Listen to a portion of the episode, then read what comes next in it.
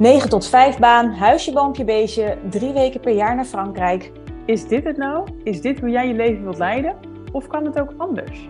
Ik ben Chantal Schram. En ik ben Suzanne van Duin. Wij bespreken de norm en nemen je mee in hoe het ook kan.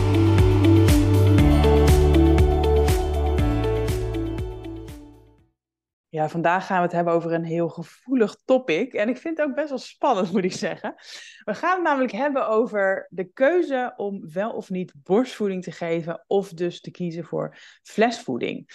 En um, nou ja, Chantal en ik uh, zijn alle twee een beetje van de andere kant. Uh, dus het wordt denk ik een, gewoon een heel interessant gesprek. Maar we gaan het een open gesprek laten zijn. Zodat jij uiteindelijk um, ja, je fijn voelt om welke keuze dan ook te maken die voor jou goed voelt. Um, Chantal, welkom. Ja, nou dank je. Nou, ik moet zeggen, ik ben voor het eerst in al die afleveringen die we nu hebben gedaan, echt een beetje, gewoon dat ik een beetje spanning voel. Ja, zo. toch? En waar komt dat vandaan dan? Nou, ik denk, nou, kijk, ik denk mensen die geen kinderen hebben en die luisteren, die denken, ja, waar gaat het over? Weet je, waar maak je je druk om? Maar ik vind alles wat met het moederschap te maken heeft en met keuzes die je voor je kind maakt, uh, dat ligt in, in, in, Nederland in ieder geval allemaal zo onder een vergrootglas. Iedereen heeft er een mening over. En er wordt al heel gauw, denk ik, uh, je een gevoel aangeraden dat je het niet goed doet. Of ja. dat je de verkeerde keuze hebt gemaakt als moeder.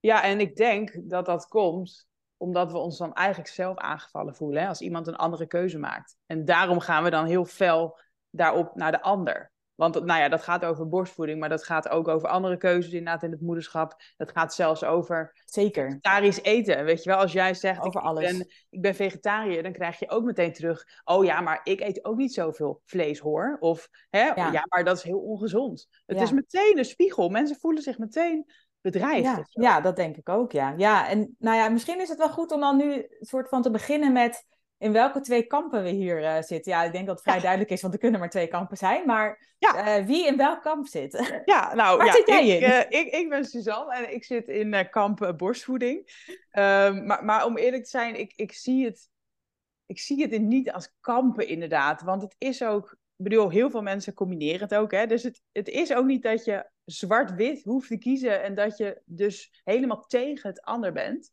Maar ik heb zelf uh, borstvoeding gegeven. En ik, ik, sta, ik sta er ook helemaal achter. Ik stond er helemaal achter. En ik zou dat ook zo weer doen. Dus ik ben wel zeg maar team borstvoeding. Ja, ja. nou ja. Nogmaals, ik, althans nogmaals, ik ben absoluut niet tegen borstvoeding. Alleen ik heb er uiteindelijk voor gekozen om dus flesvoeding te geven aan mijn zoontje. Ik ben wel begonnen met borstvoeding toen ik ben bevallen ik heb ook nog, uh, nou, voor mijn gevoel duurde het echt een eeuwigheid, heb ik um, uh, fulltime gekolfd.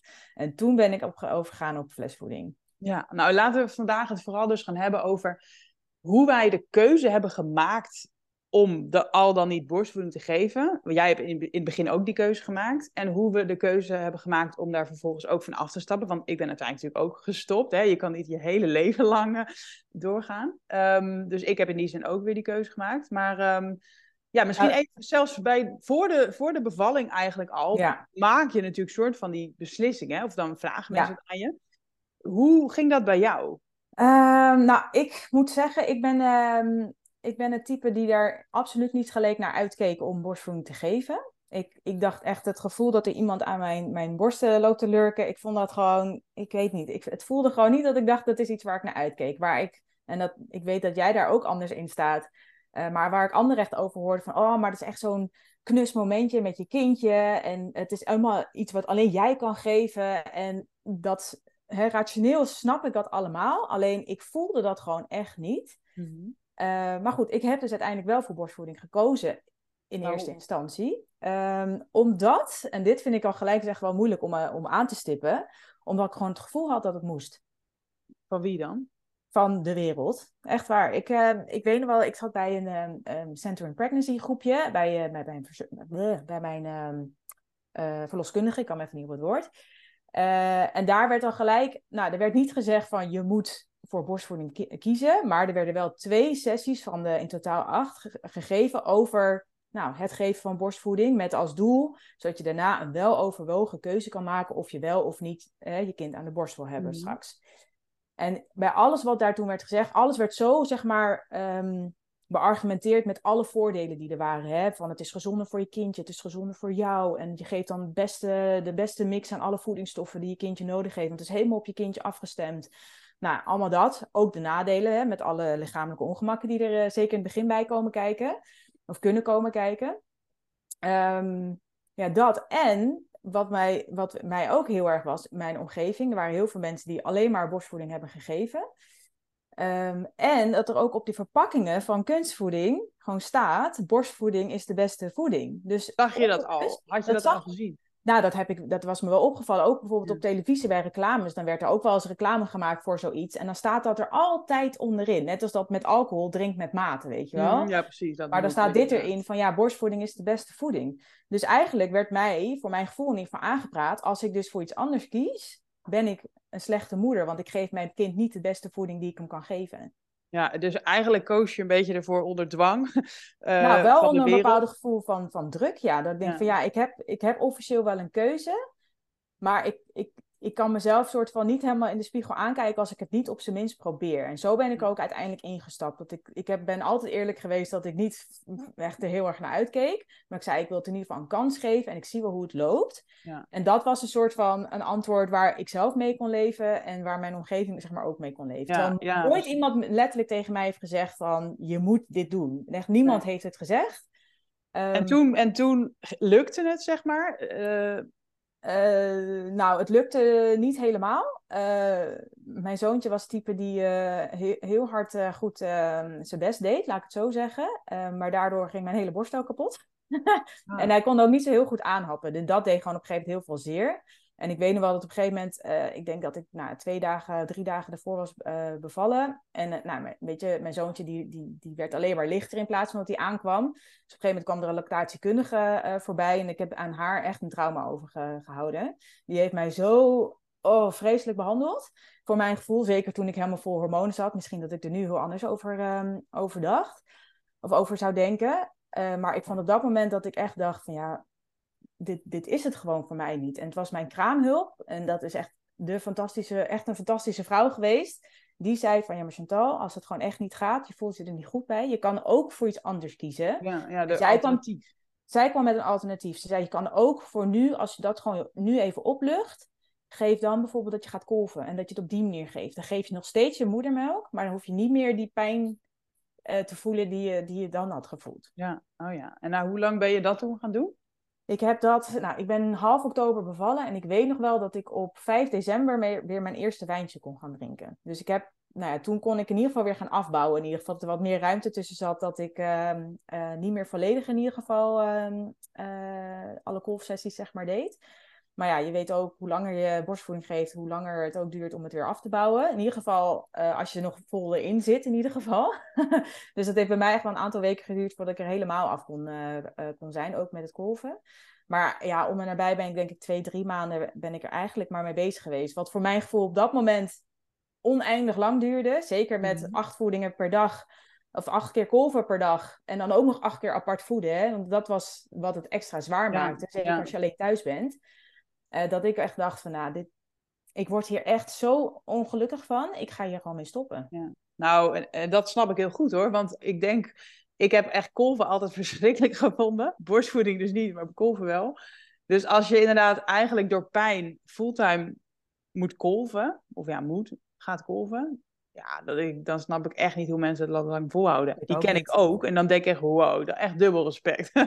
Ja, echt, goed, ja. Dan wordt het inderdaad volhouden. En dat vind ik ook zo'n negatief woord. Want dan, ja, dat heeft nog gewoon een hele negatieve lading. Ja, precies. En dan denk ik ook, dat geef je je kind dan ook mee, hè? Weet je, dat, uh, dat vond ik in ieder geval wel. Want ik zat gewoon echt niet lekker in mijn vel toen. Terwijl ik denk, ja, weet je, je hebt net een kind gebaard. Dit zou echt, je zou hartstikke gelukkig moeten zijn. Ja. En ik was met alles hartstikke gelukkig. Uh, maar niet met, met dat stuk. En toen echt ook wel dat ik. Maar ik had zulke, zulke schuldgevoelens, hè? want dat bleef mm. ook hangen. En dan hebben ook hormonen daar echt wel uh, wat, uh, wat in bijgedragen.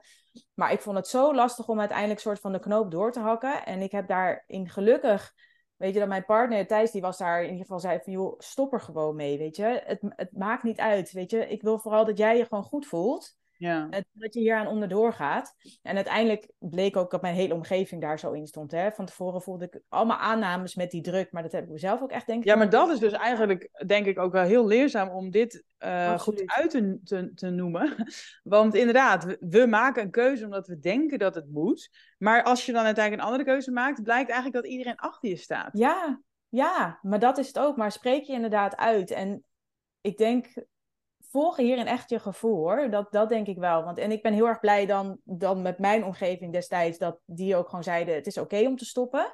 En het voelde voor mij als zo'n opluchting. Echt alsof er gewoon tien stenen van mijn schouder afgehaald werden. Weet je wel? Gewoon zo'n gevoel dat ik denk: van waarom heb ik dit in godsnaam dan wel, zeg maar, gedaan? Uh, waarom heb ik mezelf dit aangedaan, zeg maar, weet je wel. Maar je weet niet waar je aan begint van tevoren. Je weet niet wat, weet je, dat weet je überhaupt natuurlijk niet als je, als je uh, besluit om voor kinderen te kiezen. Ja. Uh, maar ook met borstvoeding, je weet niet wat er allemaal met je borsten kan gebeuren, hoe het kan voelen. Uh, en sommige mensen komen daar heel goed vanaf, want ik ken ook genoeg van verhalen van mensen die nooit last van kloven, ontstekingen, weet ik veel wat allemaal hebben gehad. Maar ja, dat, dat kan er ook bij horen. Ja. ja, want jij zegt nu ook van, hè, wat heb ik mezelf aangedaan? Maar ja, dat wist je niet van tevoren. En voor hetzelfde geld was het wel helemaal goed uitgepakt. Ja. Dus wat dat betreft, ben je dan wel blij dat je het geprobeerd hebt? Of zou je juist gehoopt hebben dat je, dat je vanaf dag één al niet had borstvoeding gegeven? Oh, dat vind ik een lastige vraag. Oh, maar met de kennis van nu, ik vind dat echt een hele lastige keuze eh, om, daar, uh, om dat nu zeg maar uh, te doen. Ik, ik, kijk, in mijn allerliefste scenario zou ik, natuurlijk zou ik borstvoeding willen geven. Maar ik ken mezelf. um, en ik ken ook nu wat, ja, hoe, hoe ik er zeg maar echt aan, aan nou ja, onderdoor gaat, is, is een groot woord. Maar ik denk als ik echt door was gegaan, dan uh, was het denk ik niet heel erg goed gegaan. Uh, ik zou er niet aan beginnen. En ik weet nu met mensen in mijn omgeving die nu zwanger zijn, uh, dat die ook twijfelen over de keuze. Dat zij ook niet, zeg maar, die zitten er een beetje zelf in zoals ik van tevoren, van ja, ik voel hem gewoon zeg maar niet dat ik, dat ik ook vooral nu heel erg benadruk van het is oké om ook te kiezen voor, borst, voor, voor kunstvoeding. Weet je, laat je niet zeg maar uh, sturen in dat borstvoeding het allerbeste is. Uh, want als het niet voor jou het beste is, dan is het voor je kind uiteindelijk ook niet het beste. En dat, dat is denk ik iets wat ik nu wel echt heel erg um, de wereld in wil helpen. Van ja, denk ook echt aan jezelf als moeder, hoe klein je kindje ook is. Maar als het niet goed gaat met jou, heb ik ook echt het idee dat de energie die jij uitstraalt, en ik denk zeker met wat in jouw lichaam zit, dat dat ook overkomt op je kindje. En dat dat ook niet goed is. Ja, ja precies. De borstvoeding geeft ook de hormonen door. Dus als jij net gestrest bent, dan gaat het letterlijk natuurlijk. Ja, ja interessant. Ja. En hoe, ja, want voor jou is dat natuurlijk heel anders geweest. Ja, nou al moet ik zeggen dat um, voordat ik zwanger raakte, als ik dan wel eens iets hoorde over borstvoeding, dat ik er ook echt nul gevoel bij had hoor. Het, het is meer, uh, ik zag het echt als een soort van hele objectieve, ja, je hebt gewoon twee opties en ja, misschien dit, misschien dat. Zo stond ik er eigenlijk in voordat ik zwanger werd. Uh, ook een beetje vanuit emancipatie dat ik dacht van, hè, flesje kan je man ook doen, zeg maar. En dat leek me wel heel fijn om dat echt samen te kunnen doen. En borstvoeding, ja, dan ben jij natuurlijk wel hè, grotendeels gewoon degene die dat doet. Dus dat was voor mij een argument dat ik eerst dacht van, hè, misschien flesvoeding. Ja. Maar ik moet zeggen, toen ik eenmaal zwanger was, ja, dat zullen ook de hormonen wel zijn. Toen had ik echt best wel snel zoiets van, uh, ja, ik ga borstvoeding geven. En ik heb niet het gevoel dat dat gepusht is, of dat ik dacht dat dat dus moest ik, ik, um, ik denk dat ik het zo een beetje kan uitleggen dat ik um, alle facetten van het zwanger zijn en het moeder worden wilde meemaken. Of in ieder geval gewoon wilde ervaren. Uh, dus inderdaad, ja, bevallen, nou, had ik, wilde ik gewoon ervaren, wilde ik wel ervaren. Borstvoeding geven, nou, dat wilde ik gewoon wel ervaren. En ik stond er echt wel open in dat als het dus echt helemaal bed zou gaan, ja, weet je, dan, dan zou het ook flesvoeding worden. Maar ik wilde het wel een oprechte kans geven, laat ik het zo zeggen. En ik had ook een kraamzorg, uh, dat wist ik ook van tevoren, die dus ook lactatiekundige was.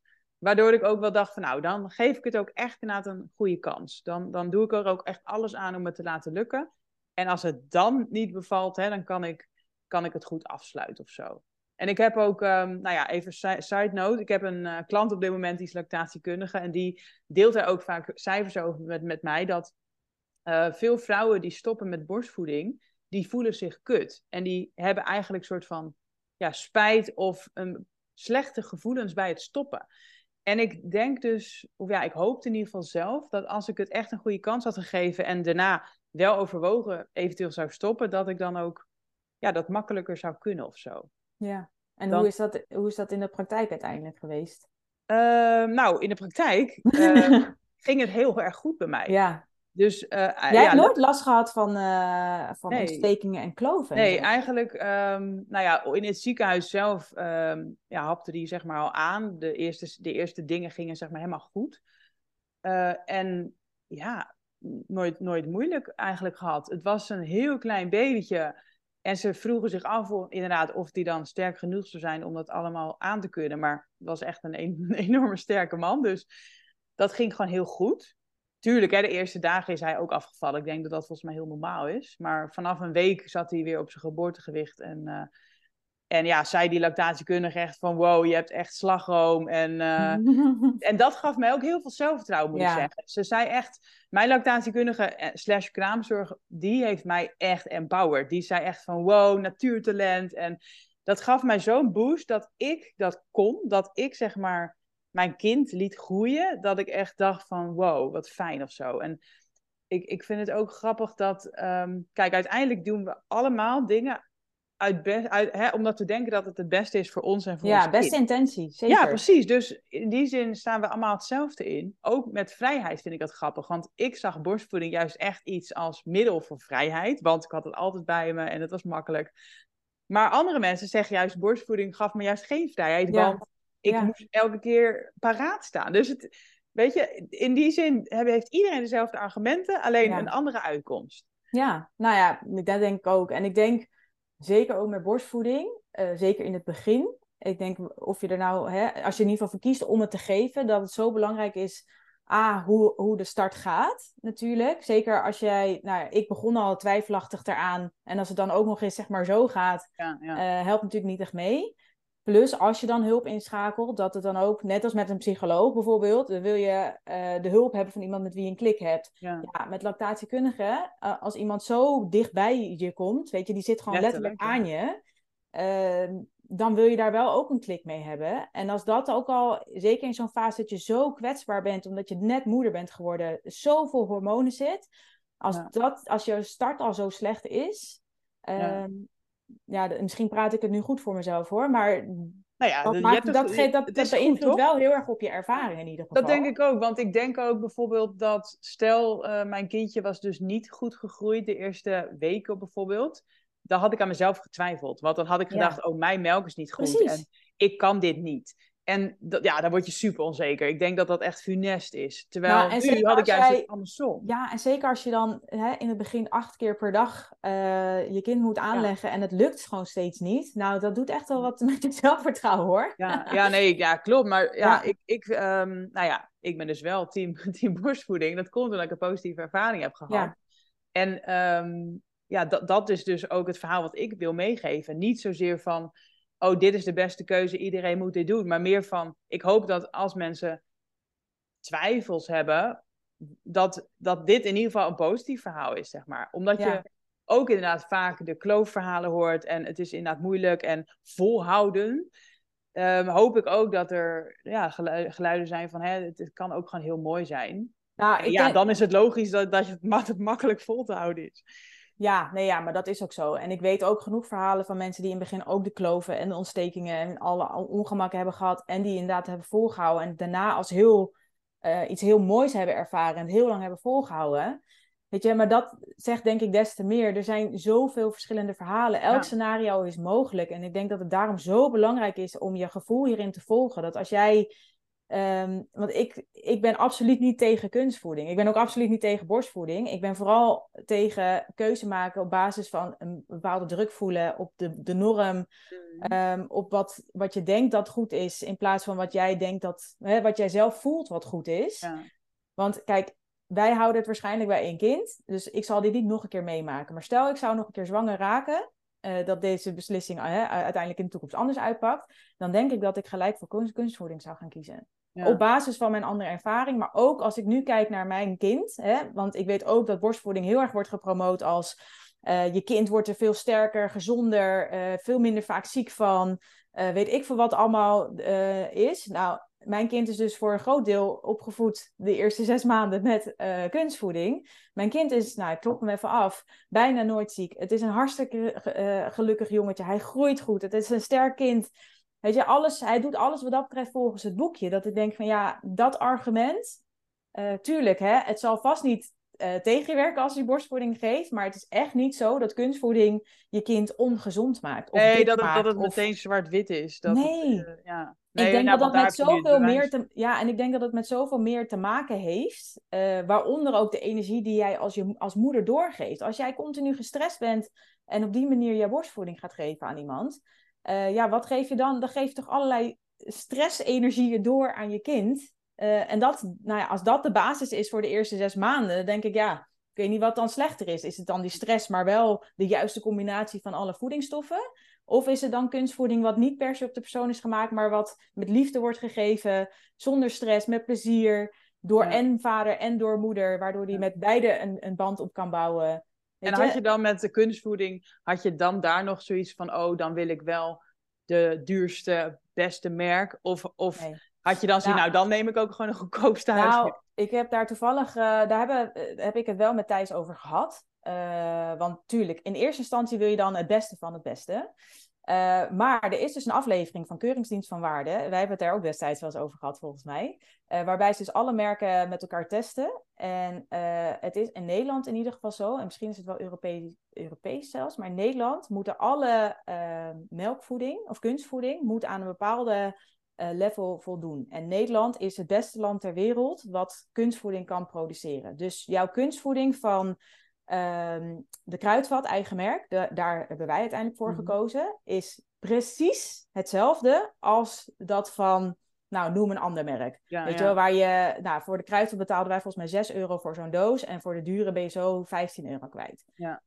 Weet je, maar wat erin zit is precies, precies hetzelfde. Want ze mogen niet afwijken van de, de, de, de status quo ja, zeg maar, ja. daarin. Ja, dus daar voelde je niet een soort pressure om dan Nee. de hele... Nou, niet meer. Nadat ik zeg maar echt gewoon wetenschappelijk onderzoek had gehoord erover. En dat er een onafhankelijk programma alles heeft vergeleken met elkaar. Met experts heeft gepraat, hebben gepraat. Denk ik, ja, dan durf ik wel te kiezen voor het kruidvatmerk. Waardoor ik denk, ja, dan is dat, dat is net zo goed. Maar dan is het echt meer marketing uh, waar je dan voor valt. Uh, door voor dure merk te kiezen. En dat dat dan onbewust een beter gevoel geeft. Dan dat dat inhoudelijk echt een verschil maakt. Ja, ja. Nou even de cijfers erbij. Want uh, in Nederland is het de norm om borstvoeding te geven. Um, ik, er zijn verschillende bronnen, maar laten we zeggen 70, 75 procent van de vrouwen die net is bevallen geeft borstvoeding. Dat daalt best wel rap. En na drie maanden geeft volgens mij ongeveer een derde uh, nog maar borstvoeding. En volgens mij komt dat vooral door mensen die gaan werken. Werk, en dat het dan ja. best wel lastig is om borstvoeding te geven. Uh, of je moet gaan kolven, hè, minder productie. Nou ja, alle toeters en bellen. Um, dus het is inderdaad, het is de norm om dus borstvoeding te geven. Maar al best wel snel draait dat eigenlijk om. Ja. Um, en ja, dat, dat vind ik dan weer best wel typisch. Dus mensen die kiezen eerst voor borstvoeding. En dan zijn ze dan zijn ze zeg maar kamp borstvoeding, maar al best wel snel zijn ze dus eigenlijk geswitcht. Ja. Kamp flesvoeding. En, en ik eigenlijk dus uh, ook, tenminste. Ik ben Want hoe met, lang heb jij ook alweer in totaal uh, borstvoeding gegeven? Uh, totaal acht maanden, ja. maar vanaf vijf maanden ben ik um, af en toe een flesje zeg maar gaan bijvoeden, omdat me, ik niet genoeg voorraad meer had als ik bijvoorbeeld ging werken of inderdaad een tripje naar Malta ging maken. Um, en in het begin vond ik dat dus best wel moeilijk om iets anders te gaan geven, omdat ik, ja, ik was zo team borstvoeding geworden dat ik wel dacht van, oh, het voelde heel raar om mijn kind opeens iets anders te geven. Ja, uh, en, toen, en toen had ik dus ook een beetje dat dilemma van, oh, wat geef ik dan inderdaad? En was ik echt heel erg aan het verpakken aan het lezen en van het kijken, inderdaad. Maar ja, al heel snel heb ik dat ook losgelaten eigenlijk. Ja, ik weet niet. Dan merk je inderdaad van, hé, hey, dit drinkt hij ook makkelijk. En ja, ik weet niet. Toen, ging, toen kreeg hij ook hapjes en zo al. Dus het, het was niet zo dat hij nog dat nooit iets anders in zijn nee. mond had gehad, weet je wel. Dus, nee. uh, en uiteindelijk um, ben ik gestopt om een best wel, ja, jammere reden of zo. Ik had wel Uh, nou ja, ik, op een gegeven moment, ik wilde heel graag nog in Mexico borstvoeding geven. En dat was in november, dus toen was die zeven maanden. Ik wilde heel graag in Mexico nog borstvoeding geven, omdat ik het dus heel makkelijk vond. Je hebt het altijd bij je, geen gedoe met uitkoken in hotels en zo. Ja. Of, weet je, dus dat ik dacht echt, oh, dit is echt mijn ultieme droom. Om dan gewoon in Mexico te zijn, bikinietje opzij en dat gewoon te kunnen doen. Dat voelde gewoon heel vrij. Ehm, en op een gegeven moment kreeg ik ook wel vaker de vraag, toen voelde ik ja, een soort van druk, wanneer stop je? Hoe lang blijf je dit nog doen? Oh, je houdt het wel lang vol. Dus toen had ik eigenlijk andersom, dat ik de druk voelde van, oh, nu wordt het gek of zo. Of maar nu... dit is toch, maar even serieus, dit is toch gewoon eigenlijk van de zotte, hè? Dat dan onze maatschappij zo in elkaar zit, dat dan zo borstvoeding soort van wordt gepromoot en als de norm wordt gezien. Mhm. Maar dan begin je eraan en eigenlijk na drie maanden, wanneer de meeste hè, van ons weer aan het werk gaan, en zeker als je in lonings bent, wordt dat natuurlijk niet echt heel erg vaak ehm, gestimuleerd om nee, werk. Nee, zeker. Uh, weet je, dat er geen goede ruimte voor is. En weet je, dat je op het toilet moet. Of dat mensen dan nog gauw weer denken van... Oh, dan gaat ze alweer, weet je wel. Mensen, maar goed, ik was vroeger ook zo, hè. Ik weet nu wat erbij komt kijken. Ook al heb ik het maar heel kort gegeven. Ehm, maar dat je, ja, weet je, er, er wordt dan zo... Uh, er wordt niet echt meer een soort van de mogelijkheid geboden om inderdaad de moeder alle kansen, alle vrijheid, alle uh, faciliteiten te bieden om het door te geven. Net als dat je in de buitenlucht bijvoorbeeld zit. Hè? Ik, ik, vind, ik, ik vind het altijd zo'n mooi gezicht wanneer vrouwen in een park op het strand gewoon een borstvoeding geven aan hun kind. Maar ik weet ook dat er zoveel mensen zijn die dan daar opmerkingen over hebben. Uh, en dat niet vinden kunnen in de buitenlucht en weet ik wat. Dan ik denk, oké, in het begin wordt het dus zo gepromoot. En daarna moet je eigenlijk zo snel mogelijk stoppen, want niemand wil er last van hebben. Nee, nee, nee, precies. Dat is inderdaad gewoon heel krom. Dus nou ja, dus op een gegeven moment had ik zelf ook wel zoiets van, ja, hoe lang inderdaad blijf ik het eigenlijk doen? Dan ga je een soort van een soort deadline voor jezelf stellen of zo. Dus eerst had ik zoiets van, nou, ik begon er gewoon heel open aan. Oké, we zien het wel. Ik hoop inderdaad drie maanden of zo. Nou, toen was dat makkelijk gelukt. En toen dacht ik, nou, ik zie mezelf ook een half jaar voeden. Nou, toen was dat gelukt. Toen was Mexico. En toen dacht ik, nou, misschien tot eind van het jaar of zo. Dat, dat voelde dan wel weer uh, reëel. En ehm, op een gegeven moment, begin december, half december, ben ik best wel ziek geweest. Dat weet je misschien ook nog toen we naar Noordwijk gingen. Um, echt, ik heb echt een week in bed gelegen. Gewoon koorts. Ik, ik, ik at weinig. Ik heb, nou ja, mijn productie stopte ook gewoon. Ik, ik had gewoon, ik was gewoon helemaal uitgeschakeld. En nou ja, mijn kind kreeg dus toen ook af en toe af flesvoeding. Dus die hele week heeft hij bijna alleen maar flesvoeding gekregen. En toen ik eindelijk weer een beetje beter was, toen probeerde ik dus hem aan te leggen. En het was gewoon, ik zag het ook echt aan mijn borst, het was gewoon leeg. Het was gewoon, was gewoon niks meer. En, het kwam, en het kwam eigenlijk ook niet, niet spontaan in ieder geval meer op gang. En toen had ik echt een beetje zoiets van, oké, of ik moet nu, ja, weet ik veel, hulp inschakelen en als een soort bezetene weer proberen om die productie op te krikken. Of misschien is dit het moment om dan te stoppen. En aangezien ik dus wel al een beetje ja, zat, zat te kijken van ja, hoe lang doe ik dit dan? En, en eh, ik, ik, ja, ik keek op zich ook alweer naar uit om, om gewoon helemaal echt vrij te zijn. Om inderdaad gewoon weg te kunnen en nergens aan te denken en niet meer te kolven en dat soort dingen. Dat ik dus toen heb besloten van nou ja, dan was dit het. Dus eh, dat was om en nabij dus acht maanden. Ja, en misschien dat jouw lichaam gewoon zelf je dus nu gewoon de, de, de stop eruit heeft getrokken en dacht van het is gewoon mooi geweest. Dus niet ja, dat was echt door de, dat... ja, dat was echt door die griep hoor. Want ik bedoel, daarvoor had ik geen enkele problemen met. Uh, nee, maar ik vind het wel opvallend dat dan in één keer het zeg maar zo stopt. En ik weet wel dat als je al heel lang geeft, dan wordt de productie sowieso op een gegeven moment wel iets minder, geloof ik. Hè? Ja, je eh, geeft op een gegeven moment nog maar weinig. Precies, dus dan is zeg maar, het afbouwen ook veel minder, uh, duurt veel minder lang dan toen ik met mijn acht of zeven voeding, ik weet niet hoeveel het per dag was. waarbij je dat allemaal, dan zit het, is die productie nog zo zeg maar in volle gang. Ja. Uh, ja, ja, precies. op een gegeven moment was het helemaal lang gestemd, vraag en aanbod. En, maar wat ik dus apart vond, want um, nou ja, ik, op een gegeven moment heb ik dus besloten van, nou ja, dit was het dan. Maar wat ik, ik vond heel moeilijk dat ik eigenlijk niet helemaal zelf de keuze had gemaakt, maar dat eigenlijk de griep een beetje dat had bepaald. En dat mijn kind ook niet eens meer moeite deed om te proberen. Alsof hij. Was ook gewoon klaar mee. Alsof hij het letterlijk rook. En ik geloof dat echt hoor. Want toen ik dus wel borstvoeding gaf, en ik deed bij wijze van spreken mijn shirt uit. Dan zat hij al, weet je, zat hij al soort van, waar, waar is de tiet? En toen het dus gestopt was, keek hij er niet meer naar. En, nog, en nooit meer heeft hij geprobeerd om er iets uit te krijgen. Dus die kinderen ruiken dat, of hè, daar hebben ze six sense voor dat er ook gewoon geen melk meer is of zo. Ja. Dus wat dat betreft was ik ook wel weer blij dat hij inderdaad niet zoiets had van, hé, hey, waar is het gebleven? En ja. Ja, maar goed, ik moet eerlijk toegeven, ik heb dus wel echt een keertje erom gehuild s'nachts. En ook dat als een vriendin een keertje daarna vroeg, dat ik, het zat er mij wel hoog. Het is zo'n ehm, ja, zo'n gevoelig onderwerp. En het, ja, ook natuurlijk hormonen en weer die switch van hormonen die toen weer gaande was. Ik vond het wel echt moeilijk. En ik had nooit van tevoren gedacht, hè, twee jaar geleden, dat ik ooit zou huilen om de keuze om te stoppen met borstvoeding. Oh, nou, maar ik had, ik had die paar jaar geleden überhaupt niet gedacht dat ik zoveel zou huilen om bepaalde dingen wat met mijn kind te maken heeft. nee, dus het is, ja, het is wel echt een journey geweest. Ja. Ik heb echt ja, ik heb zelf dus gewoon echt een hele positieve ervaring. En ik zou het zo weer doen. En, uh, en ook zeker weer zo lang. Ik, uh, ja. ja. Nee, ik, ja. Mij is nou ja, en kijk, en wij hebben nu allebei een verhaal dat wij überhaupt het geluk hadden dat het gelukt is. Hè? Ik bedoel, ik ben niet een verhaal uh, dat het bij mij gewoon niet op gang kwam en dat ik hè, uh, verplicht soort van ook geen keuze had om kunstvoeding te geven. Want die gevallen heb je er ook. En dan is het dan weer zo'n ander verhaal dat je misschien net als jij zo'n grote wens had en denkt, dit ga ik gewoon doen, maar het lukt niet. Dan kom je alweer in zo'n andere emotionele rollercoaster en ook misschien wel een gevoel van falen. Ja, ik weet niet of ik nu het juiste woord erin gebruik, want ja, nou, nogmaals, het is natuurlijk gewoon echt wel een gevoelig onderwerp, maar het is allemaal oké, als in welke beslissing jouw lichaam ook maakt, of, of, of dat jouw gevoel ook maakt, het is allemaal oké. Ik denk dat dat in ieder geval is wat ik heel graag wil meegeven. Van het, is niet, het een is niet beter, per se beter dan het andere. Zeker niet omdat het om meer gaat dan alleen maar de voeding zelf. Het gaat ook om jou als moeder die erin staat. Het gaat ook om jouw kind die erin staat.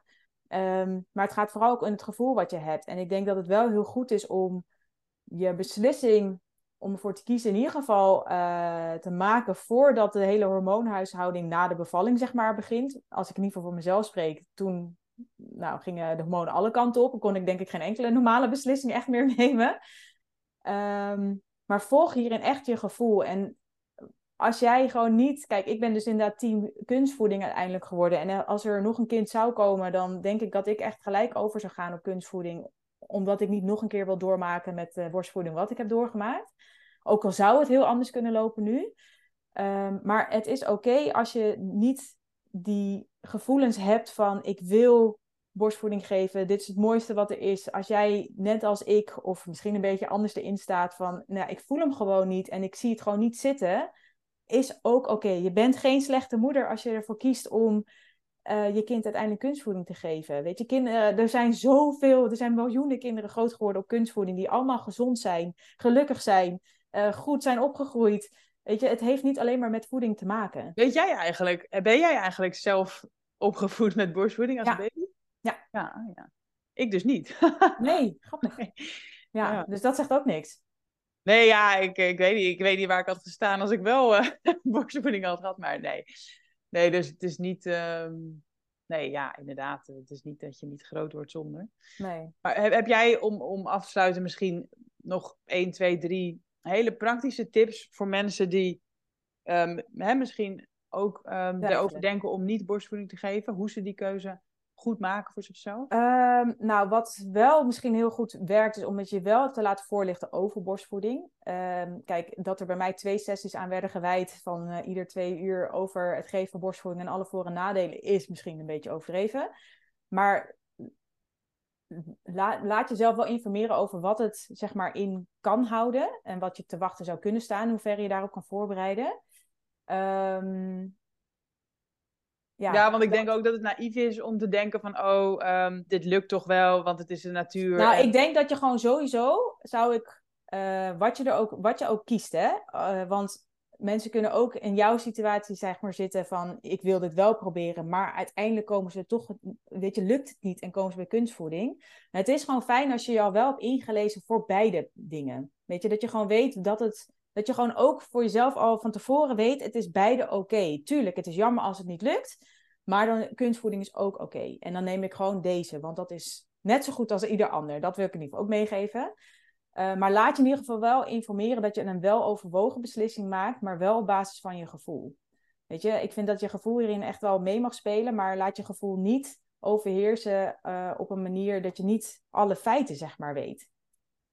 nee, ik, denk ook, ik denk ook dat je uh, bedoelt met informeren, dat het ook niet alleen gaat over hè, de zoveel procent wordt minder ziek of zo, dat soort feitjes. Maar nee, meer nee, nee, maar meer van hoe gaat het in zijn werk? Precies ja, ja, precies. Want inderdaad, dat is gewoon wel heel nuttig. gezondheidsdingen, laat dat alsjeblieft los. Want ik, tuurlijk, ik snap dat, hè, dat melk wat helemaal op het kind gemaakt is, dat dat hè, voor je kind uh, nou, misschien sowieso wel lekkerder is.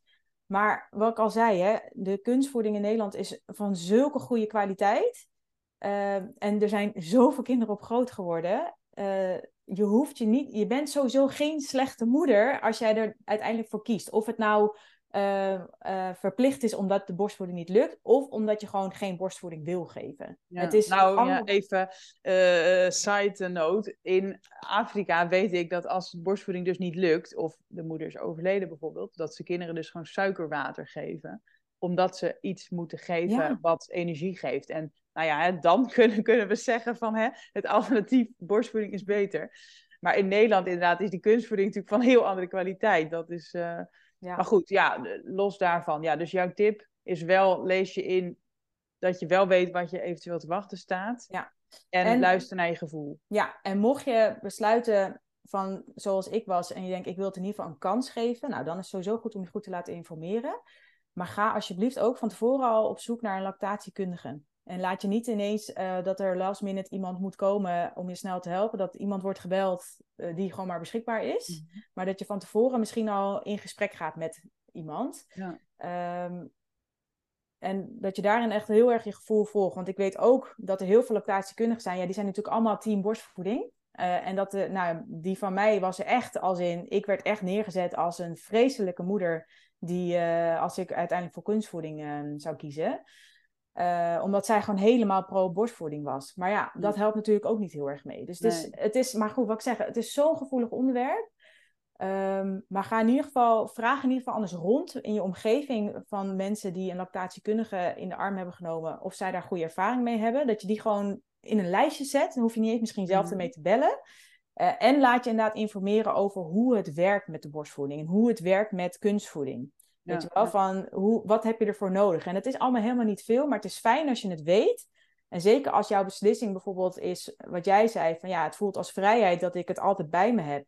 Wat voor mij als vrijheid voelde, ik denk, ik kan het allemaal meenemen. Ik heb alleen maar magnetron nodig en wat water en ik ben er. Uh, en ik hoef het niet altijd zelf te geven. Dat was voor mij de vrijheid. Maar dat kan voor iedereen inderdaad anders voelen. En daarom is het denk ik zo belangrijk om hier in je eigen gevoel te volgen. Omdat iedereen zo anders in elkaar zit. Ieder lichaam zit in elkaar, maar ook ieders brein werkt weer anders. Ja, ja. Um, nee, maar maak wel je beslissing op, op basis van de feiten. En niet op gewoon het eerste gevoel wat je misschien hebt uit films, uit series. Wat allemaal niet per se de realiteit is. Ja, nee, inderdaad. Gewoon toch even de echte verhalen uit je omgeving. In plaats van de mooie plaatjes of de films. En uh, ja, ja. Nou, als ik nog een paar praktische tips heb om de beslissing te maken, ja.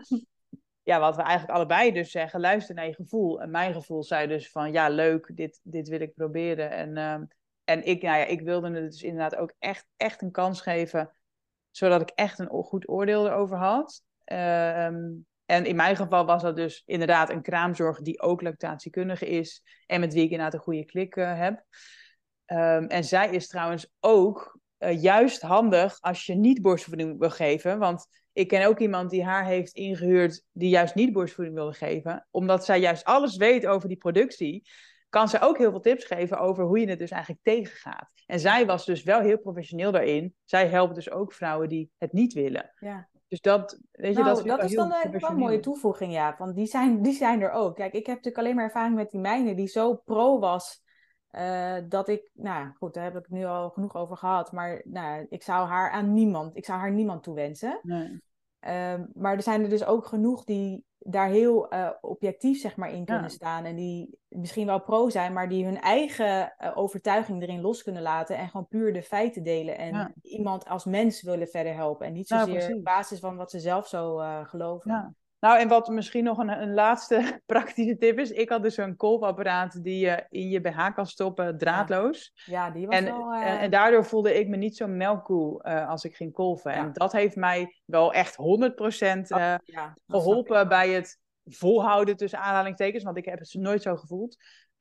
bij het blijven geven van borstvoeding. En dus ook af en toe kolven als je gaat werken en zo. Ja, dat is denk ik wel een hele goede toevoeging, hè? Want ik had er zo Ja. eentje waarbij ik eh, eh, zo'n oude BH moest eh, stuk knippen, zodat die dingen er, weet je, dat, Ja. ze, dat ze konden hangen, dat ik ze niet Ja. vast hoefde te houden. Ja, dan voel je echt door een melkkoel. Ik vond dat Oh, zo'n ja, vreselijk. Ja. gevoel. Ja, Dat je überhaupt gewoon aan zo'n ehm, stekker zit, zeg maar. Maar ook inderdaad dat, en dat geluid ook. Ja, dat Ja, geluid. want ik weet, ja, want bij jou had ik vaak ook echt niet eens door dat jij aan het kolven was.